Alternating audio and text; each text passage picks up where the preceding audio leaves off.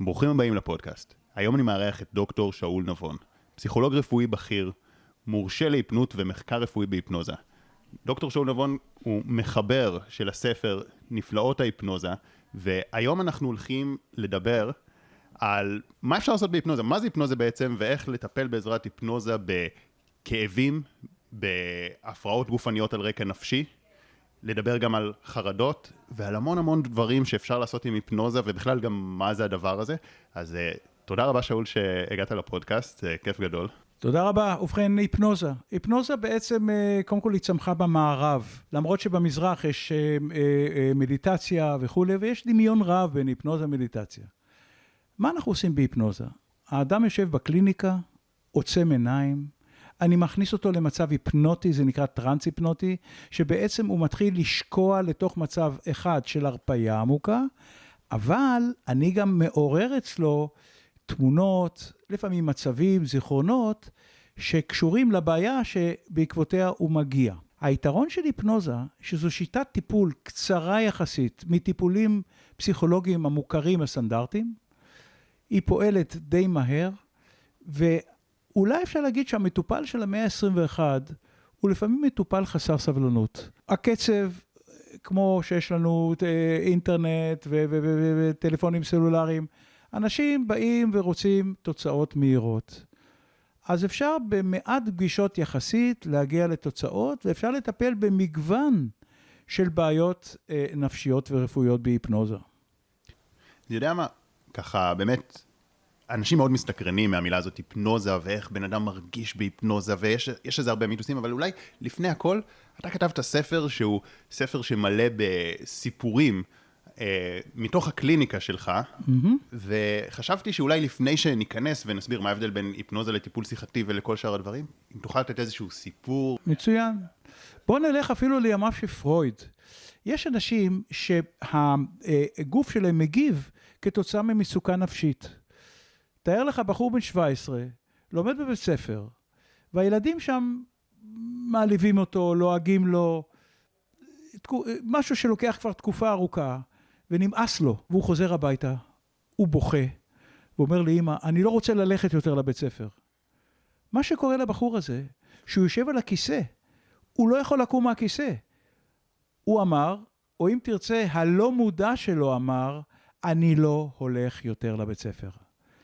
כמובן שהאימא לקחה אותו לרופאים מסוגים שונים. זאת אומרת, הלא מודע שלו אמר אני לא רוצה ללכת לבית ספר, זה אתה אומר בדיעבד אחרי הטיפול. הוא לא, יש, הוא לא ישר קולט את זה. ודאי, הוא לא קולט את זה. הוא פשוט לא יכול ללכת, הוא לא מבין למה, וזה לא הצגה. זה לא מה שנקרא בשפת הפסיכולוגיה רווח משני, שבחור שלא רוצה לשרת בצבא, או באיזה מקום אחר, אז הוא משחק אותה. זה לא. זאת אומרת, הוא באמת לא יכול ללכת. בדיקות רפואיות מקיפות, שום דבר, הכל תקין. הפיזיולוגיה תקינה, הרפלקסים תקינים, הנוירולוגיה תקינה. ואז האמא מגיעה איתו לפסיכיאטר ילדים, שאומר שמדובר על שיתוק היסטרי. מהו שיתוק היסטרי? אם תרצה, העלבון שלו, שהוא נעלב, הוא כל כך היה עמוק, שהלא מודע אסר עליו לקום מהכיסא וללכת לבית ספר. הפסיכיאטר המליץ על היפנוזה, האם ובנה מגיעים אליי, הוא מגיע עם קביים, בקושי הולך, הוא בעצם מגיע עם כיסא גלגלים עד לפתח הקליניקה, ומשם הוא מדדה בכוחות הקביים ובכוחות אימא שלו לכיסא בקליניקה, לכורסה. אני מכניס אותו למצב היפנוטי, אני מכניס אותו למצב של הרפייה עמוקה, שבה הוא מרגיש רגוע, נינוח מאוד, ואז אני אומר לו, במהלך הטראנס ההיפנוטי, בעצם אפשר להגיד שהכניסה להיפנוזה נקראת טראנס היפנוטי, זה מצב של, אם תרצה, הרפייה עמוקה, כאשר האדם סוגר עיניים וצולל לתוך עולמו הרגשי הפנימי, זה נקרא טראנס היפנוטי. אגב, טראנס היפנוטי קיים גם בטקסים דתיים, בריטואלים. אה, אנחנו יודעים שגם בכל מיני שבטים, שאנשים משתגעים, צועקים, מתפרעים, הם גם בטראנס. טראנס זה כאילו, יש איזה משהו ששולט עליך. במקרה הזה, הלא מודע, הרע, כאילו אומר לו, אתה לא הולך. ואז אמרת לו, תראה, הגיע הזמן להפריד. אני מבטיח לך שאתה לא תלך יותר לבית הספר. אני אדאג לזה שאתה תעבור לבית ספר, ששם אתה תרגיש טוב, לא יהיו ילדים מתעללים, לועגים, נחפש את הבית ספר הזה יחד עם אמא שלך. אבל אתה יכול בינתיים להחליט שלקום מהכיסא וללכת לשירותים לבד, ולשבת ליד שולחן האוכל, ללכת מהחדר שלך למטבח, אתה יכול ללכת בעצמך, אין שום בעיה. בסוף העבודה בהיפנוזה, שנמשכה כחצי שעה, הבחור קם מהכורסה והתחיל ללכת בקליניקה שלי הנה והנה. כמובן שהאימא לא ידעה את נפשה מרוב אושר, בכתה, חיבקה אותי וכולי וכולי. מה בעצם קרה פה? פרויד, זיגמונד פרויד היה אומר שאנחנו בנויים ממודע ולא מודע. הלא מודע הוא בעצם הכוח ההרסני, הרע, אם אפשר כך להגיד, ששם בעצם סופגים, או הלא מודע סופג את כל הדברים ואת כל האיסורים שלא יזיקו לנו. הלא מודע מצד אחד הוא, הוא אכזרי, הוא רע, ומצד שני הוא שומר עלינו, הוא שומר עלינו. הלא מודע אסר על היכולת שלו ללכת לבית ספר שימשיכו ללעוג לו. וכתוצאה מזה מופיע שיתוק ההיסטרי, שהוא רק על רקע נפשי. הנה עבודה בהיפנוזה צוללת ללא מודע, מאפשרת לתת הוראה, פקודה, הסעה, סוגסטיה. היפנוזה בנויה על מתן סוגסטיות למטופל. סוגסטיה היא מתורגמת בעברית השעה, וזה בעצם גם קיים בעולם הרגיל שלנו. שגננת מחבקת ילד ואומרת לו, אתה ילד חכם, נפלא, יפה, אני אוהבת אותך, היא מעבירה לו סוגסיה חיובית. אנחנו אומרים דברי שבח אחד לשני, קומפלימנטים, פידבקים טובים, זה סוגסיות. במקרה הזה הסוגסיה, שאתה יכול ללכת בלי ללכת לבית ספר, עשתה פה את העבודה. שפשוט גם בזמן היפנוזה בגלל ה... המצב התודעתי שהוא בעצם שקוע בעולם הפנימי שלו. ברגע שאדם שקוע בעולמו הפנימי, יותר קל לנו. בכלל, תחשוב רגע, כשאדם יושב על כיסא, עוצם את העיניים, כמו שבמדיטציה, מיד יש פה בעצם סגירה של המרחב החיצוני שלנו, ואנחנו יכולים יותר לשקוע לתוך העולם הפנימי, ואז הדמיון החזותי הרבה יותר פעיל. כמובן שיש טכניקות של העמקת הטראנס וכולי, וזה מקרה מרתק איך בהיפנוזה בטיפול אחד חל ריפוי. אגב, יש פה עוד uh, עיקרון מעניין, שלפעמים תת המודע שלנו מייצר בעיות כדי להגן עלינו, ושהן לא באמת uh, מגנות עלינו. כמובן, כמובן. אומרת, אתה יכול, אתה יכול לחשוב על עוד, עוד דוגמאות כאלה מהחיים, שתת המודע מייצר איזה שהן בעיות, גופניות או לא גופניות, שהן בעצם... אני אתן לך דוגמה. תאר לך שבחור מסוים, רווק, יוצא לדייט. והוא אה, אה, קיבל בוואטסאפ מחברתו את הכתובת. במקרה הזה הסבירה לו, תיסע שמאלה, ימינה, קדימה, אחורה. הוא מתבלבל בדרך. הוא לא מגיע לדייט. הוא מצלצל אליה מהדרך, אני לא יודע איפה אני נמצא, התבלבלתי וזה. הוא לא רצה ללכת לדייט. או שהוא התבייש, או שהוא התרגש, או שהוא בחור שחסר כישורים לדייטים מבחורות. הלא מודע שלו לקח פיקוד.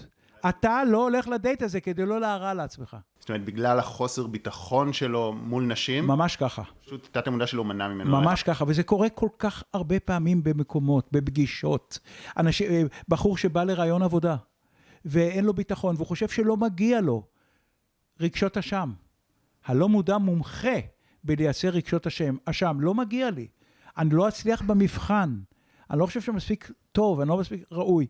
זה עבודה של הלא מודע, וכמובן שגם בטיפול פסיכולוגי אפשר לעבוד על זה, אבל בהיפנוזה אפשר לעבוד על זה אולי בדרך יותר קצרה. אגב, בהקשר הזה, כמו שנתת עם הדייט, אני בכלל הייתי אומר שלפעמים, אם אנחנו, יש לנו איזה חסם פנימי לזוגיות, אז גם בכלל אנחנו נימשך אל האנשים שלא באמת מתחייבים, או לא באמת רציניים, ו... או, או שנייצר איזה תנאי חיים שלא תומכים בזוגיות. כמובן. אבל מה, איך היית מטפל בזה בהיפנוזה? לאן היית הולך? אז כאן, אותו בחור כזה. בטיפול בבחור כזה צריך קודם כל לבדוק מה אתה רוצה. מה המרכז שלך? מה האני האמיתי שלך, הזהות שלך באמת רוצה? אם אתה לא רוצה לחיות עם אותה גברת, או עם אותו דייט, עם אותה מערכת יחסים, אתה צריך קודם כל לבדוק את עצמך. ואני עוזר לו למצוא את עצמו בלי קשר למה יגידו עליו, או מה הוא ירגיש, ואיך, ואיך הבת זוג שלו שולטת או לא שולטת, או, או נמצאת בתוך החיים שלו. הרעיון הוא לייצר בתוכו את מה שאני קורא בשפה עממית ביטחון עצמי. ביטחון עצמי, מה מתאים לך, מה טוב לך. ברגע שאתה יודע מה מתאים לך, מה טוב לך, אתה יכול ליצור את אותה ספרציה, את אותה הפרדה בריאה ונחמדה מדמויות בעולם שאו שולטות בך, או שאתה מפתח תלות אה, מולם. אוקיי, okay, מעניין. אז מה, מה הכוח של היפנוזה פה, היית אומר, לעומת אה, טיפול פסיכותרפיה שגרתי? ההיפנוזה, בנוסף לטיפול שיחתי, במוח יש לנו שתי אונות. יש האונה השמאלית, היא המילולית, קריאה, כתיבה, מתמטיקה, כל מה שקשור ב, בשפה. האונה הימנית במוח היא האונה הלא מילולית. תמונות, צבעים, אוריינטציה במרחב.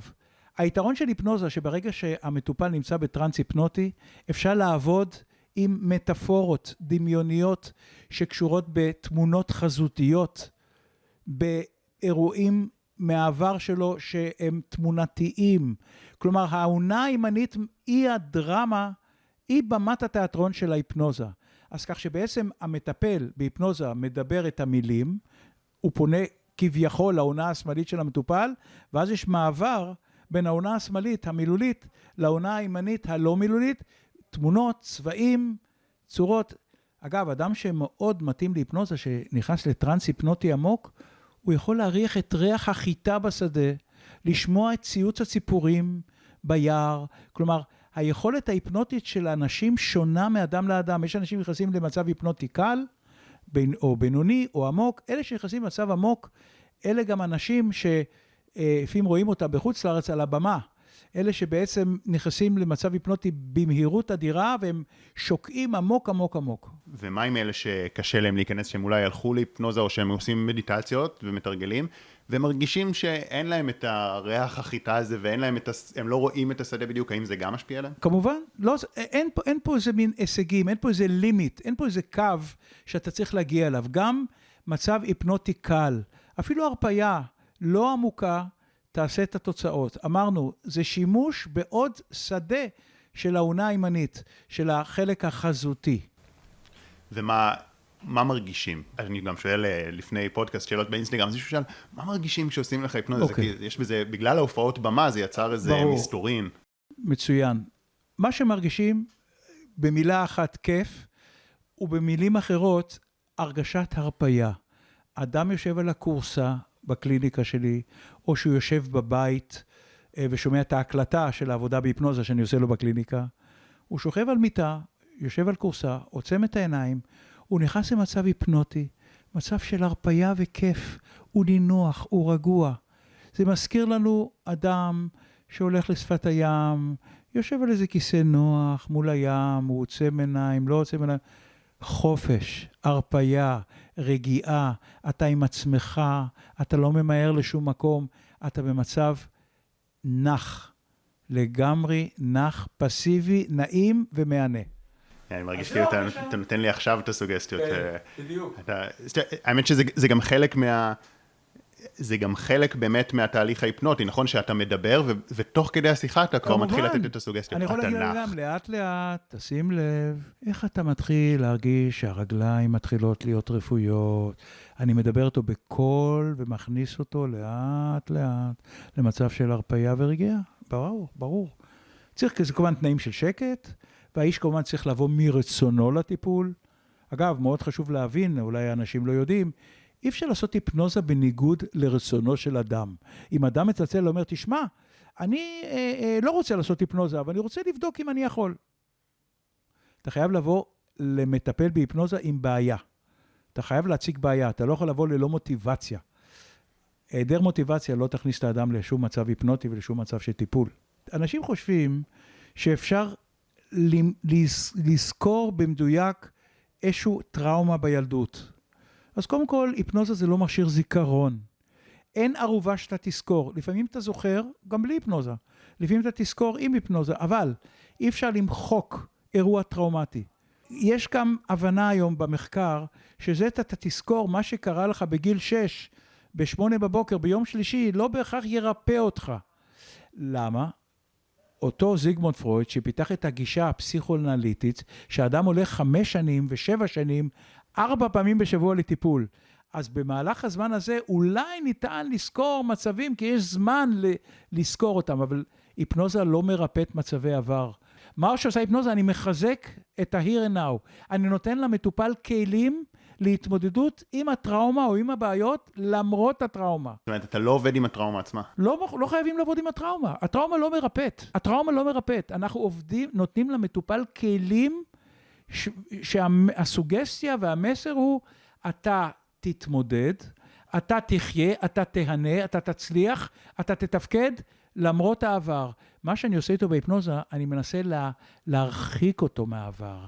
אני מנסה לגרום לו שהעבר יסתיים.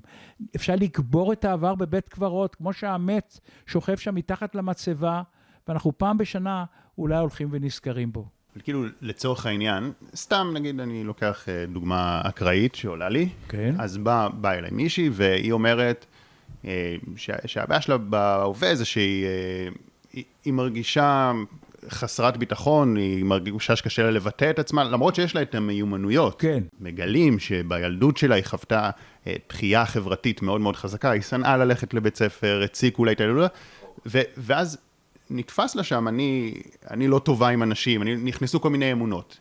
אז אני כן אלך לעבר, אבל לא, לא לשנות את העבר, אבל כן לשחרר את האמונות יפה. האלה. יפה. אז יש מושג גם בפסיכולוגיה קוגניטיבית שנקראת ריפריימינג. זה שהייתה לך, לך דחייה חברתית שהיית בת 8, 10 או 15. היום את בת 38, היום את בת 52.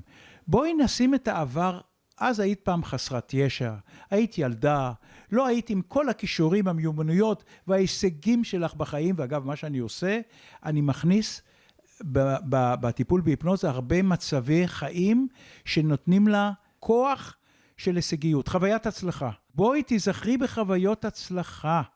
תראי את עצמך על מסך טלוויזיה שהצלחת במשהו, שאנשים אה, אה, אה, נתנו לך פידבק שהצלחת. כלומר, מגיל שמונה עד היום היו יותר שנים שבהם את כבר גדלת כאישה עצמאית מוצלחת שיכולה גם להצליח. למה לקחת את העבר שהיה מוגבל לשנים מועטות, בא בשעה של כל כך הרבה שנים שאת בעצם הצלחת הרבה יותר ותפקדת הרבה יותר טוב. הרעיון הוא לשים את העבר מאחור ולבנות את ההווה ככל היכולת, לעשות, לתת לה הרבה סוגסיות של הצלחה. וגם היא לבד שולחת את עצמה למשימות של הצלחה, להוריד חרדה בפני אנשים, להצליח בראיונות, להצליח מול במשפחה שלה וכולי. העבר לא קובע את ההווה. מאוד חשוב. אוקיי, okay, אז אמרנו שנדבר גם עוד על uh, טיפול בחרדות וגם על uh, הפרעות של כאב. כן. אז בוא ניגע רגע בנושא של כאב. Uh, יש גם את הנושא של כאבים פסיכוסומטיים, שהם כאבים שאין להם איזשהו תסמין uh, פיזי, ויש גם את הנושא של להקל על כאב, שכמו עשינו, לא יודע, עקירה של שן או משהו. ממש ו- כך. והכאב קיים, אבל אפשר להקל עליו, אז בדיוק. מה עושים עם זה? אז, אז כיוון שאמרנו שהיפנוזה הוא תהליך uh, מנטלי של הרגעה ורגיעה, בכאב יש תמיד שני ערוצים. הערוץ האובייקטיבי, עקרו לך שן, יש כאב אמיתי, אבל יש גם את הערוץ הסובייקטיבי, איך אתה מגיב לכאב. הרי אנשים שונים בתפיסת הכאב, יש הרבה ניסויים, הרבה מחקר סביב איך אנשים מסוימים מגיבים לכאב. יש אנשים יותר רגישים, פחות רגישים. יש גם, גם תסמונת רפואית, שאדם שמקבל מכאב, אחרי זה זה הופך לממש מחלה אה, בפני עצמה של רגישות כאב, ואחר כך הוא נכנס לקריירה של פיזיותרפיה ומשככי כאבים. לא ניגע בזה, אבל מה שכן חשוב להגיד, היפנוזה עוזרת מאוד לצד הנפשי. במצב היפנוטי, שהאיש נמצא בטרנס היפנוטי, אפשר למשל לעמעם את הכאב, אפשר להקטין אותו, אפשר לתת טכניקה שנקראת עיוות זמן, time distortion, שפירושו במקום שתחווה את הכאב שלוש שעות, תחווה אותו רק רבע שעה או עשרים דקות. אפשר להעביר כאב מאיבר פגוע לאיבר אחר, כדי שתהיה תפיסת כאב אחרת. במקום שזה יכאב ביד שמאל, אולי זה יכאב ביד ימין, אבל פחות. אז בוא, אז בוא רגע נפריד ביניהם. יש את ההקלה על כאב אמיתי, נגיד כן. באמת כמו, כמו השן, אז מה, מה עושים לדוגמה? ואחר כך נדבר על אנשים שפתאום אוקיי. כואב להם בלי אז קשר. אז אחד הדברים שאני עושה בהיפנוזה עם אדם שעקרו לו שן, לצורך העניין, כן. קודם כל אני מנסה לשאול אותו שאלות, איך נראה לך הכאב? איך נראה לך? כמו מה? הוא ייתן לי איזה תמונה של זה, צורה מסוימת. אולי זה דומה לאיזה דוב שמכרסם לו. איזה צבע יש לכאב? איזה גודל של הכאב. אז אני עובד איתו בהיפנוזה על שינוי. במקומות אחרים זה נקרא שיבוש, אני עושה שינוי של התמונה כדי שההרגשה הסובייקטיבית תתחיל לאט לאט להשתנות. למשל, אפשר לרפד את מקום העקירה של שן, אפשר לדמיין ששופכים שם איזה חומר מרפא, מרגיע, צבעים בהירים, זה ידוע, הם יותר, אה, כאילו, יותר מרפאים, טורקיס, כחול, שקוף, שטיפת פה וכולי וכולי. עובד עם המטופל בדמיון כדי לעזור לו לשנות את התפיסה הסובייקטיבית של הכאב, את ההרגשה הסובייקטיבית.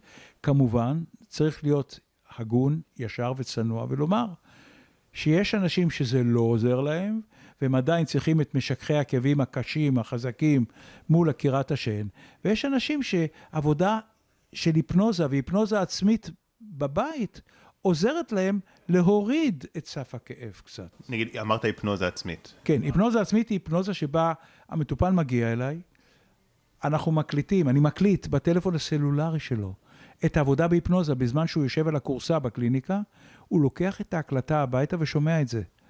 אפשר להגיד שכל היפנוזה היא היפנוזה עצמית, כי בעצם אני מדבר והוא בעצם נכנס למצב היפנוטי, על פי הדמיון שלו, על פי המחשבות שלו. מה שחשוב להגיד, זה חלק מאוד חשוב, ב, כמו שבכל טיפול פסיכולוגי, כמו שברפואה המילה נקראת אנמנזה, אני מקדיש לפעמים פגישה שלמה, פגישה ראשונה, שבה אני לומד על הראש של המטופל. על השפה שלו, על התרבות שלו, על הרקע שלו, מה הוא, איך הוא מתאר את הבעיה שלו. זה נותן לי אחר כך את היכולת לעשות את השינוי, את הרפריימינג, את התמונה המחודשת, אם תרצה, את העטיפה. אני מדמיין שהיפנוזה, המטופל מגיש לי חבילה, אני עוטף אותה בעטיפה שתתאים לו כמתנה, וזה הדבר החדש שהוא יתחיל להבין, להרגיש ולחשוב ממקום של שינוי, ריפוי, שיפור. כך שצריך להבין בש... בפגישת האינטק את הרקע שלו, מאוד חשוב, וגם לשמוע את המושגים. למשל, מישהי אומרת, הבית שלי זה כמו כלוב של זהב. אני רושם לעצמי את המושג הזה, היא מדברת על כלוב של זהב, האם זה טוב, זה לא טוב, או שהיא אומרת, הבית שלי זה כמו סורגים של בית סוהר. אוקיי, איך אפשר לפתוח את בית הסוהר? איך אפשר להרחיב את הסורגים? איך אפשר לצאת? אתה משתמש במטאפורות של הבן אדם. להשתמש במטאפורות על המטאפורות של המטופל. זה, זו האומנות היצירתית. יש לך עוד דוגמאות לזה? שיש בפלוזה.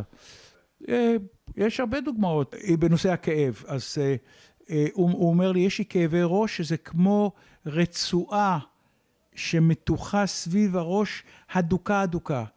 ואז אני אומר לו, בוא נראה איך הרצועה הזו יכולה להיות רצועה אלסטית, שעשויה מבד, ואז היא קצת יכולה להתרופף. אפשר גם קצת להרפות אותה. אתה יכול לדמיין איך ה... מתחת לרצועה יש איזו תחושה של חום שיתחיל להופיע, וחום כידוע מרפא משהו לוחץ. אפשר להרפות את הרצועה הזו מבעד, אולי גומייה שאפשר להרפות אותה, ואז הלחץ בראש מתחיל להשתחרר לאט לאט, והראש שלך מתחיל להתרווח, ואתה מרגיש לאט לאט. כלומר, אפשר לעבוד איתו במטאפורות, בעבודה שקטה, איטית, מרגיעה, על נושא של כאבי. אגב, ככה עובדים, ככה אני עובד עם אנשים עם מיגרנות, עם כאבי ראש וכולי. אבל שוב, צריך לומר, בהגינות וביושר, היפנוזה זה לא, מר... היא, היא לא כלי במקום רפואה, במקום תרופות משככות כאב, הם היפנוזה היא כלי ענק נוסף שמסייע, ובנוסף לדברים הסטנדרטיים שקיימים בחיים. כן. אז בוא, בוא נדבר עכשיו, דיבר, התחלנו לדבר על כאבים, על כאבים שהם אה, בלי איזשהו תסמין, ש, שבן נכון. אדם ילך לרופא ויגיד הכל תקין. נגיד, אתמול פנתה אליי גם איזושהי בחורה, אמרה, יש, אמרה שפתאום בשבועיים האחרונים הופיעו אצלה כאבים כל פעם במקומות שונים בגוף, לפעמים בבטן, לפעמים בידיים, בכתפיים, כל פעם אה, באזורים שונים, וזה, והיא לא מצליחה למצוא את הקשר גם למה זה מופיע, מה היית עושה עם בחורה כזאת? קודם כל הייתי מברר באינטק מסודר, עמוק. למה? אולי הבחורה הזו מתחתנת בעוד שבועיים, ויש פחד, בלתי מודע או כן מודע. אולי צריכה לעבור את המבחן הזה והזה באוניברסיטה, ושלא יעלה אותה או כן יעלה אותה לשנה הבאה. אולי יש לה איזו החלטה מאוד חשובה לעזוב את בית הוריה, לשכור דירה, ויש איזה פחדים בלתי מודעים. אני מבקש לראות מה בסמוך, לפני שהופיעו הכאבים האלה, מה קרה, איזה דאגה, איזה לחץ. הלא מודע שלנו הוא מאוד חכם. הוא ידע להגיד לה, והיא תדע להגיד לו, למה יש לה את הכאבים האלה. אלה כאבים פסיכוסומטיים או סומטופורמיים על רקע של לחץ נפשי, אובייקטיבי או, לא, או סובייקטיבי, מייצר את התחושות הגופניות המוזרות האלה. כאבים בגוף. מה פתאום יש לך כאבים בגוף? מה קרה? ואז מתברר שיש לה פתאום איזה רומן מחוץ לנישואים, וזה מציק לה, והיא צריכה להמשיך לעבוד במקום עבודה ששם מתנהל הרומן הזה.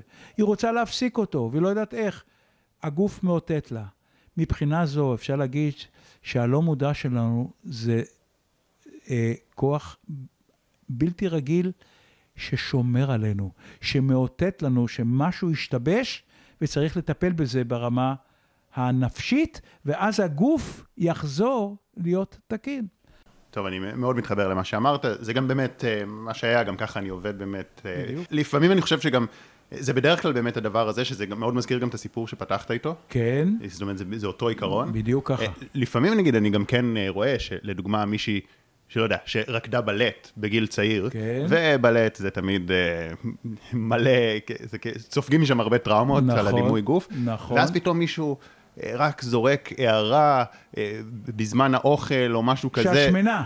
או משהו, ומתחיל לכאוב לה בטן בטירוף. ממש. ו...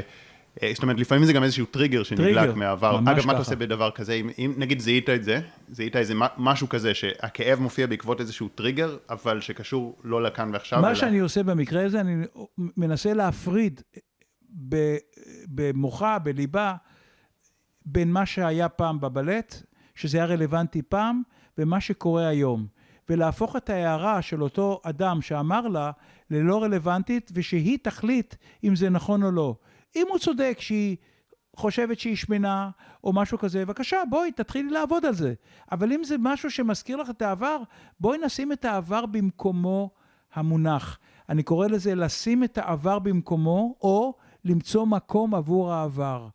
אנחנו משתדלים בהיפנוזה לאו דווקא להעלות מצבים מהעבר, להפך, להתרחק מהם, להניח להם, לעזוב אותם, ולבנות הווה יציב, חזק, עם הרבה כוחות התמודדות. טוב, אז אה, בוא ניגע בנושא של חרדות. מי מאיתנו לא חרד? אנחנו עם חרד, עם חרדות ביטחוניות, כלכליות, חברתיות. חרדה, הייתי אומר, משחר נעוריו של האדם, הוא נולד או מוצף במצבי חיים שגורמים לו לחרדה. ויש חרדות מסוגים שונים כמובן. יש חרדות אה, אובייקטיביות, שהייתי אומר שהטיפול הנפשי פחות uh, מתאים כאן, כי uh, אדם שיש לו חרדה אובייקטיבית מאיזה אויב אמיתי בחיים שלו, אז הוא צריך לטפל באויב הזה. אבל אני מדבר חרדות, אני עושה ריפריימינג, ואני אומר לו, יש לך בעצם שלושה נושאים שמהם אתה סובל. חרדה זו פרשנות שגויה של המציאות. אתה מפרש לא נכון את המצב. פרשנות שגויה זה שאדם לא מפרש את המצב ומפרש אותה בצבע הסובייקטיבי שלו. זו המחלה הראשונה שלך. המחלה השנייה, קראתי לזה אזעקת שווא.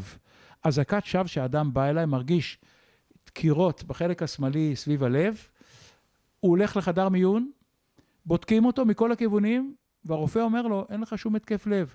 ההתקף הלב שלך הוא פה, בראש. אזעקת שווא זה כאשר יש איזה צופר שמתריע שיש סכנה, אבל בעצם הצופר התקלקל. נורית אדומה נדלקת במכונית, שמראה שחסר שמן. הנהג יוצא, בודק, יש שמן. הבעיה זה קצר בנורית. האדם בחרדה הוא נזעק מאזעקות שווא. הדבר השלישי, אני אומר למטופל, מה שאתה עושה, אתה עושה מונולוג במקום דיאלוג. ואז נותן את הדוגמה של המחזה המלט משייקספיר, שעומד לבד על הבמה, ואומר to be or not to be, this is the question, להיות או לחדול.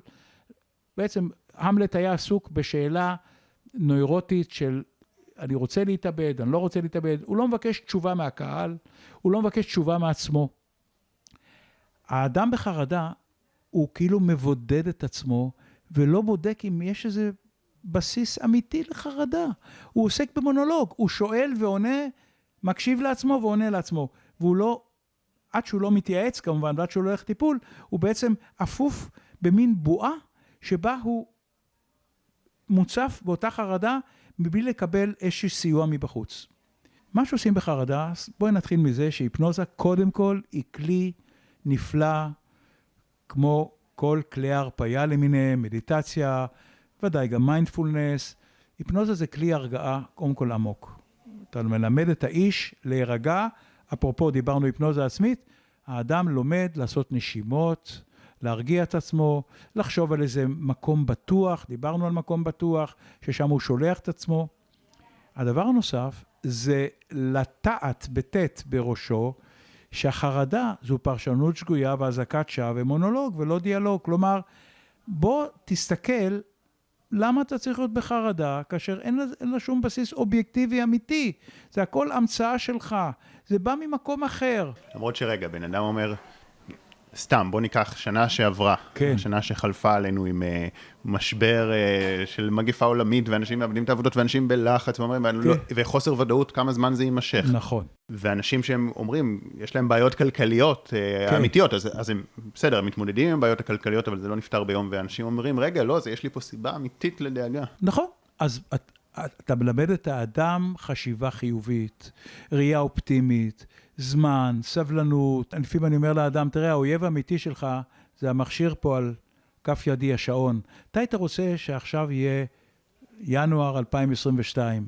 צריך זמן, אבל בוא נבנה אסטרטגיות של ביטחון עצמי, של רגיעה, של חשיבה חיובית, ראייה אופטימית יותר של המצב. או ניקח מישהו או מישהו שיש לו חרדת מבחנים.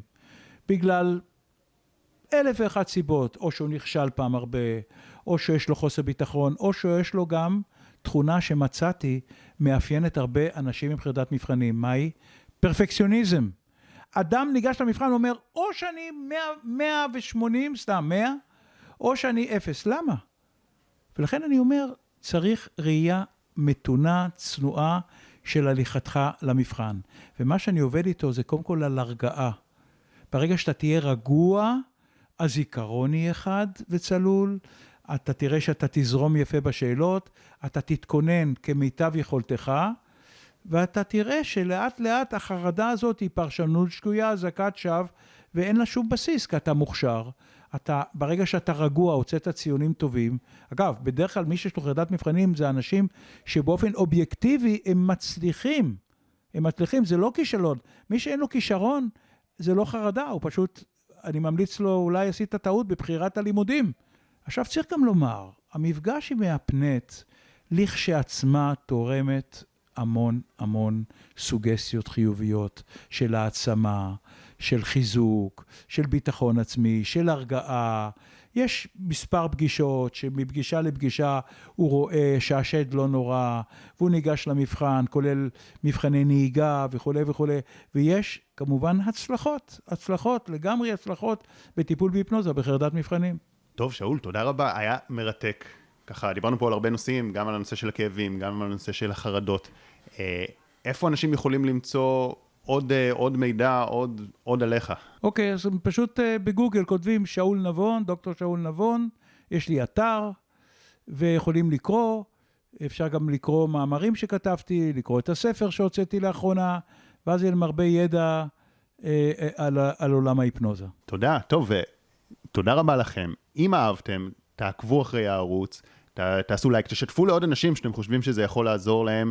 אמ, בעצם כך שאתם גם אה, עוקבים ועושים לייק ומשתפים, אז גם האלגוריתם של יוטיוב וספוטיפיי יוכל להביא לכם עוד סרטונים מהסוג הזה. אמ, תודה רבה לכם על ההאזנה, ואנחנו נתראה בפרקים הבאים.